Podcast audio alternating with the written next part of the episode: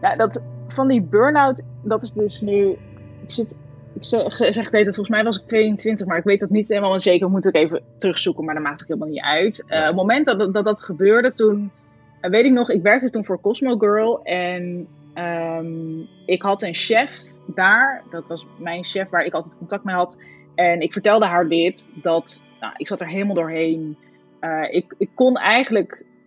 Qua werk kon ik niks meer. Ik vond het al moeilijk, eigenlijk, maar qua privé ook. Ik vond het al moeilijk om te bedenken wat we, wat we gingen eten. Of wat überhaupt naar de supermarkt gaan. Dat was er niet eens bij. Gewoon, ik kon eigenlijk uh, bijna niks meer wat met mijn gewone leven te maken had. Ik was op en ik vertelde dat tegen haar van ja, de komende tijd kan ik eigenlijk niet, uh, niet voor jullie werken. En toen hadden we hier een gesprek over. Zij was super begripvol en zij zei toen tegen mij van, maar ga je hierover wat delen op je blog? En ik zeg, nou, dat denk ik eigenlijk niet, want ja, is toch wel heel persoonlijk. En ik, ja, ik zou, ja, nee, ik denk het niet. En zij zei van, joh, ik zou dat wel doen. Want dit was echt nog wel in de tijd dat we online alleen nog maar positieve verhalen deelden. Dus nu is het veel normaler om je struggles te laten zien. Dat was toen niet echt. Welkom bij aflevering 6 van de podcast Wat is succes? De podcast waarin je mijn onderzoek volgt op weg naar een nieuw boek over een nieuwe definitie van succes. In deze podcast ga ik op zoek naar wat succes voor mensen is en of deze definitie is veranderd. En wat had daar dan de meeste invloed op? In de zesde aflevering interview ik Cynthia Schultz van de blog cynthia.nl. Bijna elf jaar lang was ze eigenares van misslipgloss.nl, een van Nederlands grootste beautyblogs. Haar site begon als een hobby. En die hobby liep een tikje uit de hand. Dus ik, ik, ik publiceerde in die tijd 14 artikelen per week. Uh, ja, dat ging ik sowieso niet meer doen. Echt bizar veel als ik terugkijk. Um, zij zei, ga daarover bloggen. Ik wil je echt aanraden om dat te doen. Dus dat ben ik gaan doen. En ik weet nog wel, het was op een vrijdag. Ik had toen ook een webshop. En ik weet nog wel dat ik die ochtend was ik even uh, op kantoor bij de webshop. Want ik moest ook even met hun wat dingen afwikkelen. En ik zat daar even achter mijn computer. Ik had die blog gepubliceerd. En het was echt, ik had soort van mijn hart op tafel gegooid. Van hey, het gaat echt kut en ik voel me heel slecht. En ik kan eigenlijk gewoon, qua werk lukt het gewoon niet meer. En ik moet echt even tijd voor mezelf nemen om even op te laden. En nou ja, te kijken uh, ja, hoe ik dit ga doen. Want het was voor mij ook allemaal nieuw en ik wist niet zo goed wat ik, wat ik moest doen überhaupt. Ik had het ook eigenlijk heel open gedeeld in die blog. Hmm. En um, ik en mijn vriend hadden de week daarna, of twee weken daarna, hadden wij een week uh, vakantie in Barcelona gepland. En we hadden het ook over gehad van gaan we dat wel doen of niet. En ik zei nou eigenlijk heb ik juist heel veel behoefte om even weg te zijn. Want uh, ik werkte vanuit huis. Dus alles met alles thuis was ook werk. En dat was voor mij super vermoeiend. Maar ook gewoon de dingen die komen bij het dagelijkse leven. Dus alle nou ja, verantwoordelijkheden die je hebt. En gewoon letterlijk de boodschappen die gedaan moeten worden. Er moet gekookt worden. Er moet schoongemaakt worden. Ik trok het allemaal uh, vrij slecht. En uh, ik had het ook in mijn blog gedeeld. We zouden wel naar Barcelona gaan. En uh, toen kreeg ik echt op die blog kreeg ik zoveel shit. Dat was echt uh, heel naar. want ik voelde me natuurlijk al heel rot. En ik schaamde me eigenlijk ook wel. En toen werden mensen eigenlijk best wel boos op mij. Van hoe kun jij nou een burn-out krijgen? Je zit toch alleen maar de hele dag je nagels te lakken. En uh, ja, wij hebben een restaurant en wij kunnen niet zomaar dicht. En jij kan gewoon dicht gaan. Uh, wij zouden pas een burn-out moeten hebben of zo. Zulke reacties kreeg ik en mensen waren hmm. zo boos. En dat deed me heel erg veel pijn, omdat ik zelf al heel erg, ik vond het zelf al heel erg. Uh, en ik schaamde me voor dat dit was gebeurd. En dat ik het moest vertellen. Um, want je wil natuurlijk helemaal niet dat zoiets gebeurt. Nu zou ik daar heel anders in staan. Maar ik was toen natuurlijk zo bezig met wat al die mensen van mij vonden. En die weken na gingen we dus naar Barcelona. En uh, vanaf het moment dat ik al hier bij huis uh, wegreed, uh, voelde ik me al lichter. En ik vond het zo fijn. En ik had ook met mijn vriend afgesproken, ik ga even niet met mijn werk bezig. Ik ga gewoon weg en ik ga niet mijn comments lezen. En dat deed ik normaal altijd als ik op vakantie was. Dan was ik altijd wel nog met werk bezig. En ik was vooral bezig met reacties en op reacties reageren. Want ik wilde natuurlijk dat iedereen blij was. Dat was soort van mijn modus. Ik wilde iedereen tevreden houden. En nu was eigenlijk niemand tevreden. En ik was zelf ook niet tevreden. En we gingen toen op vakantie en ik, de zon scheen en het was volgens mij in mei. En het was echt heerlijk om weg te zijn. En ik voelde, het voelde echt alsof ik gewoon duizenden kilometers ver weg was, ook van mijn problemen en van alle issues. En het was ook lekker dat ik er even niks mee hoefde. Dus ik ging gewoon, we gingen gewoon lekker vakantie vieren. We hadden ook geen planning. Weet je, ik had alles aan mijn vriend overgelaten. We gaan gewoon lekker genieten. En, en als het even kut is, is het ook goed. Maar even weg van alles. Ja. En toen was er toch een moment, ik denk dat het op de helft was. Uh, we zaten in een heel leuk hotel, we hadden een dakterras. En toen ging ik toch even op mijn blog kijken. En dat had ik, nou ja, achteraf was het goed dat ik dat deed. Maar op het moment zelf was het heel kut. Want ik kreeg, alleen nog maar meer shit. En mensen waren allemaal boos. En dat ik niet de verantwoordelijkheid nam voor mijn blog. En het was, uh, ja, ik zat daar. En ik, maar het was ook zo'n, het was zo'n moment. Ik werd echt even uit die vakantie getrokken. Dus we zaten daar in het hotel. En het was gezellig en het was mooi. En we zaten echt in zo'n vakantiesfeer. En ik ging toch even mijn laptop openklappen, toch even kijken. En ik werd meteen soort weer in dat negatieve gezogen. En hmm. ik, ik moest ook huilen op dat moment, want ik, ik voelde me natuurlijk in de basis al kut over alles wat er was gebeurd. Toen kreeg ik nog weer even een paar trappen na en ik trok me al zoveel aan van wat al die mensen vonden. En hmm. Dat was het moment. Ik had toen een beste vriendin die ook in de beautyblog scene zat. En ik weet nog dat ik haar volgens mij mailde ik haar. WhatsApp was toen nog geen ding, geloof ik. Toen mailde ik haar van: Oké, dit gebeurt nu en ik voel me zo slecht. En dit is voor het eerst dat ik denk: Ik weet niet of ik dit nog wel wil. Ik weet niet of ik nog wel. Sowieso het online twijfelde ik heel erg over. Al die reacties van al die mensen. Iedereen vond er wat van. En ik, ik had er gewoon geen. Ik, echt vanuit het diepste van mijn hart had ik er gewoon geen zin meer in. Ik wilde het gewoon niet meer maar wat moet ik dan in vredesnaam doen? En eh, ik had zeg maar, nu, nu zou ik tegen mezelf zeggen op dat moment van joh, het komt echt wel goed. Je, je kan genoeg en je weet genoeg. Uh, heb geduld en het, het komt wel. Het, het, het valt echt allemaal wel op zijn, komt echt wel op zijn pootjes terecht. Je zit gewoon even op, in een, in een kutsituatie, maar het komt wel goed. Maar dat moment was wel heel, um, ja, eigenlijk tekenend voor, nou ja, de rest van, nou ja, van mijn leven tot nu toe. Klinkt heel zwaar. Maar het is wel zo. Want op dat moment dacht ik, hé, hey, volgens mij is er meer. Volgens mij ja. Ehm, hoef ik dit ook niet per se voor altijd te doen. Volgens mij, want ik dacht wel, ik dacht heel erg in mijn hoofd, dacht ik, maar wat moet ik dan doen? En ik kan niks anders. Maar alleen al dat ik durfde te zeggen hardop, hm, ik denk niet dat ik dit nog wil doen, um, zette ik eigenlijk ook wel de poorten open voor, hey, ik kan vast wel wat anders en er is vast wel iets anders voor mij. Na de burn-out ontstond er ruimte voor iets nieuws en iets heel moois. Hetzelfde gold voor Judith Noordzij, die ik interviewde voor aflevering 1. En net als aan Judith vroeg ik ook aan Cynthia: wat zou je nu tegen je pre-burnout zelf zeggen? Heb een beetje meer lol en trek je nou niet zoveel aan van wat al die mensen zeggen. Ja. Maar ja, dat, uh, dat zeiden mensen om me heen ook wel tegen mij. Maar ja, doe dat maar eens. Want dat is natuurlijk. Ja. Je moet het zelf gaan uitzoeken. En ik zeg het ook wel eens tegen vriendinnen of tegen mensen om me heen: van joh, eh, laat die mensen lekker praten. Wat zij van je vinden is helemaal niet jouw. Dat is niet jouw business. Weet je, het maakt niet uit. Maar ja, als je dat niet echt voelt, dat is super lastig. Dus dat is, dat is ook wel iets waarvan ik denk: misschien moet ik daar nog een keer een training over geven. Van hoe zorg je nou dat je je niet zoveel aantrekt van wat al die mensen vinden? Want hè, of het oh, nou. Absoluut en want ik ben online natuurlijk heel erg zichtbaar. Maar je hebt ook heel veel mensen die trekken zich heel erg aan van wat hun familie vindt. Of wat de buren vinden. Of uh, wat klasgenoten vinden of collega's. En dat is, dat is hartstikke moeilijk. Dus uh, dat is ook iets Wat, ja, wat ik eigenlijk in tien jaar tijd heb geleerd. Waarvan ik denk, oh, misschien moet ik die kennis eens gaan delen. Want dit is echt voor heel veel mensen een heel moeilijk, uh, heel moeilijk onderwerp. Mooie training lijkt me dat. Ja, ja mij ook. Toen ik net begon met ondernemen, of eigenlijk de eerste vijf jaar, uh, was ik dus vooral heel erg bezig met wat andere mensen van mij dachten. Dus ik mhm. dacht altijd, als andere mensen mij succesvol vinden, dan ben ik succesvol.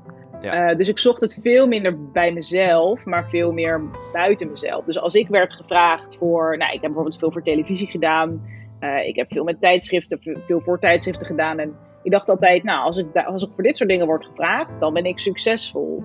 Um, en ik was ook altijd ervan overtuigd dat als je succesvol wil zijn, dan moet je hard werken. Dus dan moet je veel uren werken. Het moet zwaar zijn. Ehm, je moet ervoor afzien. Dat was altijd wel mijn idee van succes. Um, misschien ook wel onbewust hoor. Maar ik, ik, uh, daardoor werkte ik dus ook heel veel. Pakte ik alle kansen die ik kreeg. Want als ik dan bijvoorbeeld een, een vraag kreeg, bijvoorbeeld van koffietijd. Ik heb een tijdje was ik beauty expert bij koffietijd. Nou, als die op de mhm. stoep stonden van hey, wil je bij ons komen uh, expert zijn? Uh, zei ik meteen ja, daar dacht ik niet eens over na. Want voor mij was dat succes. Dat andere mensen eigenlijk mij op een podium zetten van kijk, zij, zij weet dit, zij kan dit. Um, nou, toen kreeg ik een burn-out, omdat ik gewoon te veel werkte, maar ook te veel bezig was met al die meningen van al die mensen. En uh, ik wilde eigenlijk alles doen en dat kon helemaal niet. En dat is heel erg veranderd. Dus waar ik vroeger ook heel erg, echt waar we net ook over hadden, hè, van hoeveel uur werk je. Vroeger, als ik niet werkte, voelde ik me altijd schuldig. En uh, eigenlijk hing mijn eigen waarde vast aan hoeveel ik werkte. Dus als ik een dag niet had gewerkt, of weinig, of weinig uit mijn handen had gekregen, ja, dan was ik eigenlijk waardeloos. Um, terwijl, ja. nu is dat echt totaal anders. Dus vroeger hing het gewoon heel erg af van wat andere mensen vonden, wat andere mensen over mij dachten. En het, ik moest hard werken en het moest ook zeker wel, ik moest er ook voor lijden. Dat was, dat was toen wel mijn definitie van succes. Dat is best wel heftig als ik het zo hardop zeg. Dat ik, jeetje. Elke dag lijden moet je, ja. Ja, nou, dat deed ik ook echt wel als ik zo terugkijk. Denk, jongen, wat heb je het jezelf moeilijk gemaakt. Maar ja, dat was wel uh, ook onbewust hoor, hoe het, hoe het was uh, in die tijd. Ja, en, en dat is nu, uh, ja, hoe lang is dat geleden? Acht, acht, zeven, acht jaar geleden. Ja. Terug naar Barcelona. Daar waar Cynthia besluit om te stoppen met Miss Lipgloss en zich te gaan richten op iets nieuws. Daar waar de passie zit ik, ja, ik wilde gewoon niet meer elke dag alleen maar over make-up en over beauty schrijven. Ik was het gewoon een beetje zat.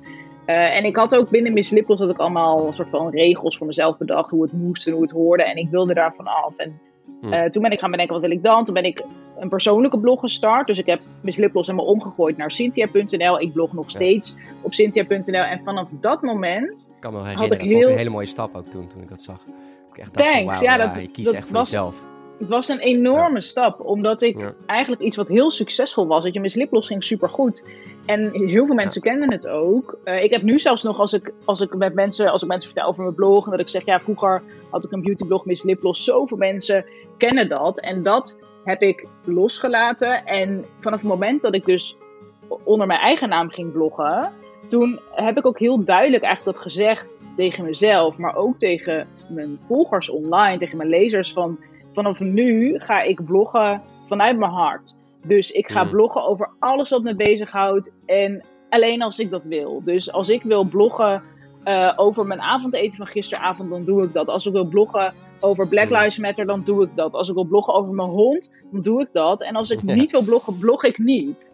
En allemaal op mijn eigen manier. En niet meer binnen hoe het hoort of hoe adverteerders willen dat het moet.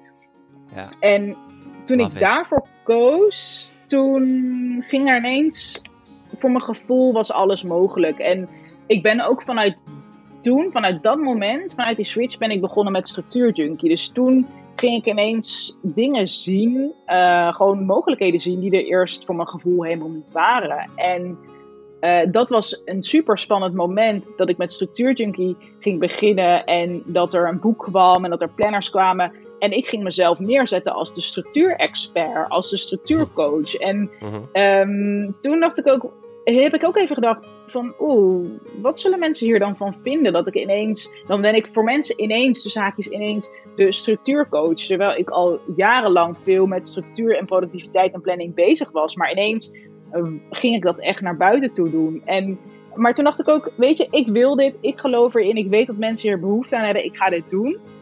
En er heeft echt niemand tegen mij gezegd van nou, Cynthia, wat raar. Want het is oprecht, het is vanuit mezelf. En het is niet iets wat ik heb bedacht omdat ik denk, oh, dit gaat vast goed werken. Maar dit komt echt vanuit mezelf, vanuit mijn eigen uh, passie voor dit onderwerp. Maar ook omdat ik heb gemerkt hoe erg mij dit geholpen heeft.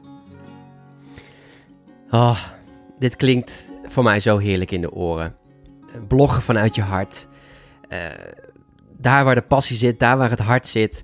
En ik heb ook eh, bewust even dit tekstje niet uitgeschreven, maar ik wil gewoon puur even praten vanuit hoe ik hierover denk. Want ik denk dat dit zo enorm belangrijk is. de vorm die, die je bedenkt, zoals je denkt dat het hoort te zijn. de vorm waar ik ooit in vast zat, omdat ik de toneelschool had gedaan en acteur moest zijn. Als je die vorm kan loslaten, een bepaalde identiteit in je hoofd kunt loslaten en kunt denken vanuit, oké, wat, wat gaat er, waar heb ik echt zin in, waar, waar voel ik de excitement?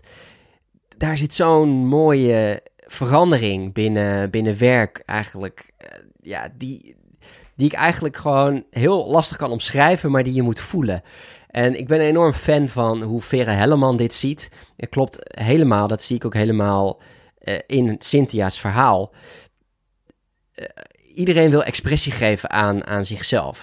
Elk mens wil bloeien, net als een bloem, groeien, bloeien. En vaak zitten we voor, vast in een vorm. En als we die vorm kunnen durven loslaten, dan ontstaat er weer ruimte voor heel veel nieuwe dingen.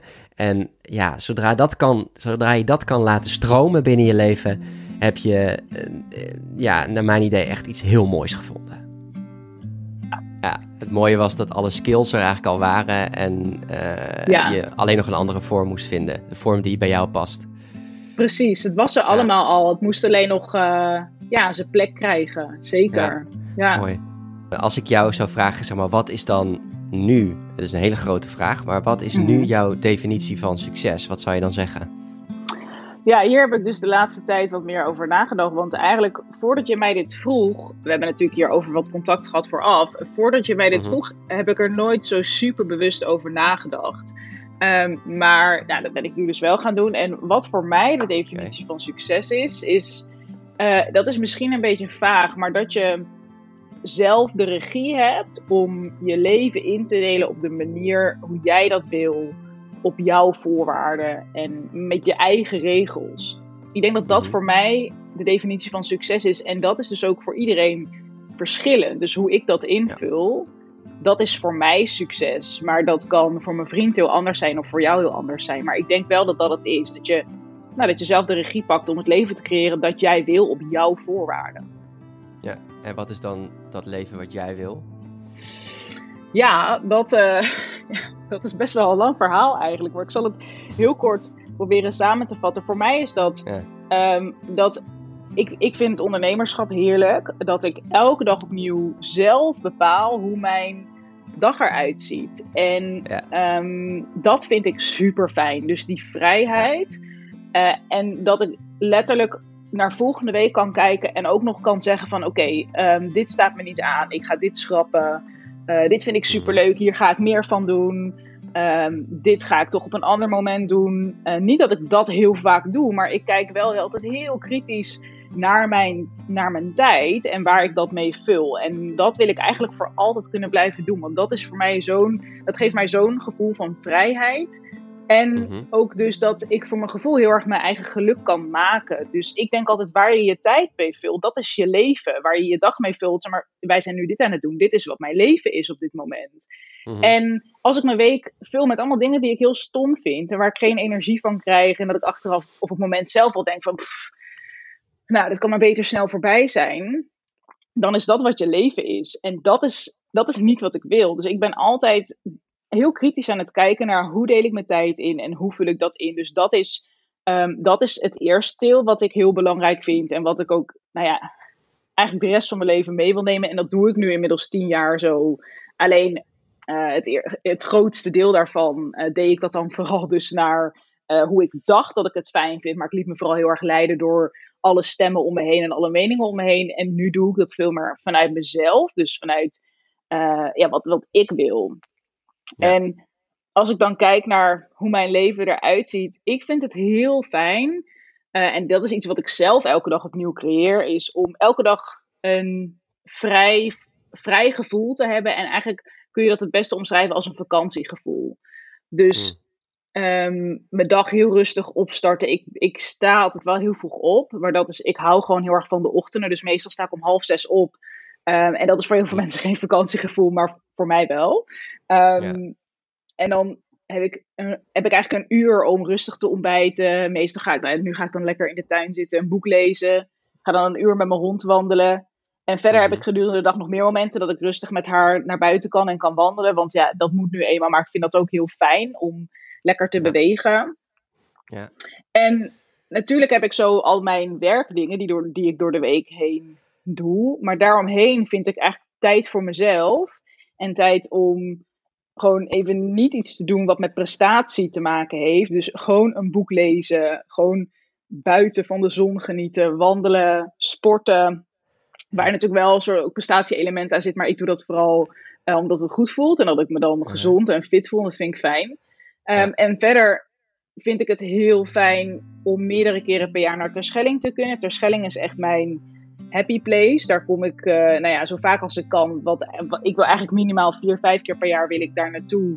Om gewoon even een week uit te checken en gewoon te genieten van de zee. Ik hou heel erg van de zee. En, ehm, en, dat, dat vind ik heel fijn om te doen. Dus dat is eigenlijk een soort van iets wat ik altijd, ja, wat ik al- als vanzelf bijna al vier, vijf keer per jaar doe. En ik vind het ook fijn om één keer per jaar echt een, een verre, verre reis, de zaakjes verre reis te maken. En eh, dat, is, dat ben ik ook wel anders gaan doen. Dus, maar toen ik heel veel eh, bezig was met het bloggen, toen werd ik veel uitgenodigd voor persreizen. En ik was echt altijd aan het reizen.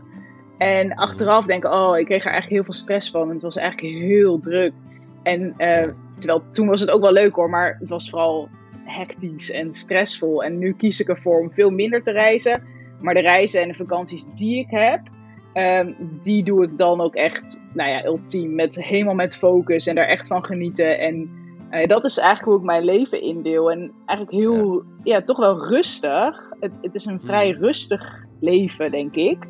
Ehm, maar dat is hoe ik het fijn vind. En het blijft ook altijd nog, nog steeds wel zoeken van hoe kan ik het nog leuker maken of hoe kan ik het beter maken? Hoe kan ik nog meer de dingen die minder leuk zijn eruit filteren? Natuurlijk zonder, eh, eh, zonder dalen geen pieken, maar eh, ik probeer altijd te optimaliseren. Dat vind ik ook leuk. Maar dit is een beetje hoe mijn, ja, hoe mijn succesvolle leven eruit ziet. En ik heb natuurlijk ook ehm, doelen met mijn bedrijf. Ehm, en dat vind ik ook leuk om daarmee bezig te zijn. Altijd doelen stellen en dan, ehm, nou ja, toch wel dat, dat fantastische gevoel als je zo'n doel bereikt, dat vind ik te gek. Dus eh, in business is het natuurlijk ook nog weer, dat is eigenlijk nog weer een heel apart verhaal. Cynthia, bedankt voor dit gesprek. Mijn onderzoek gaat door en ik zou aan jou willen vragen of je me wil helpen om mijn onderzoek nog rijker te maken. Laat me weten wat jouw definitie van succes is door te gaan naar growthinkers.nl/slash survey. Bedankt voor het luisteren en tot de volgende aflevering van Wat is succes?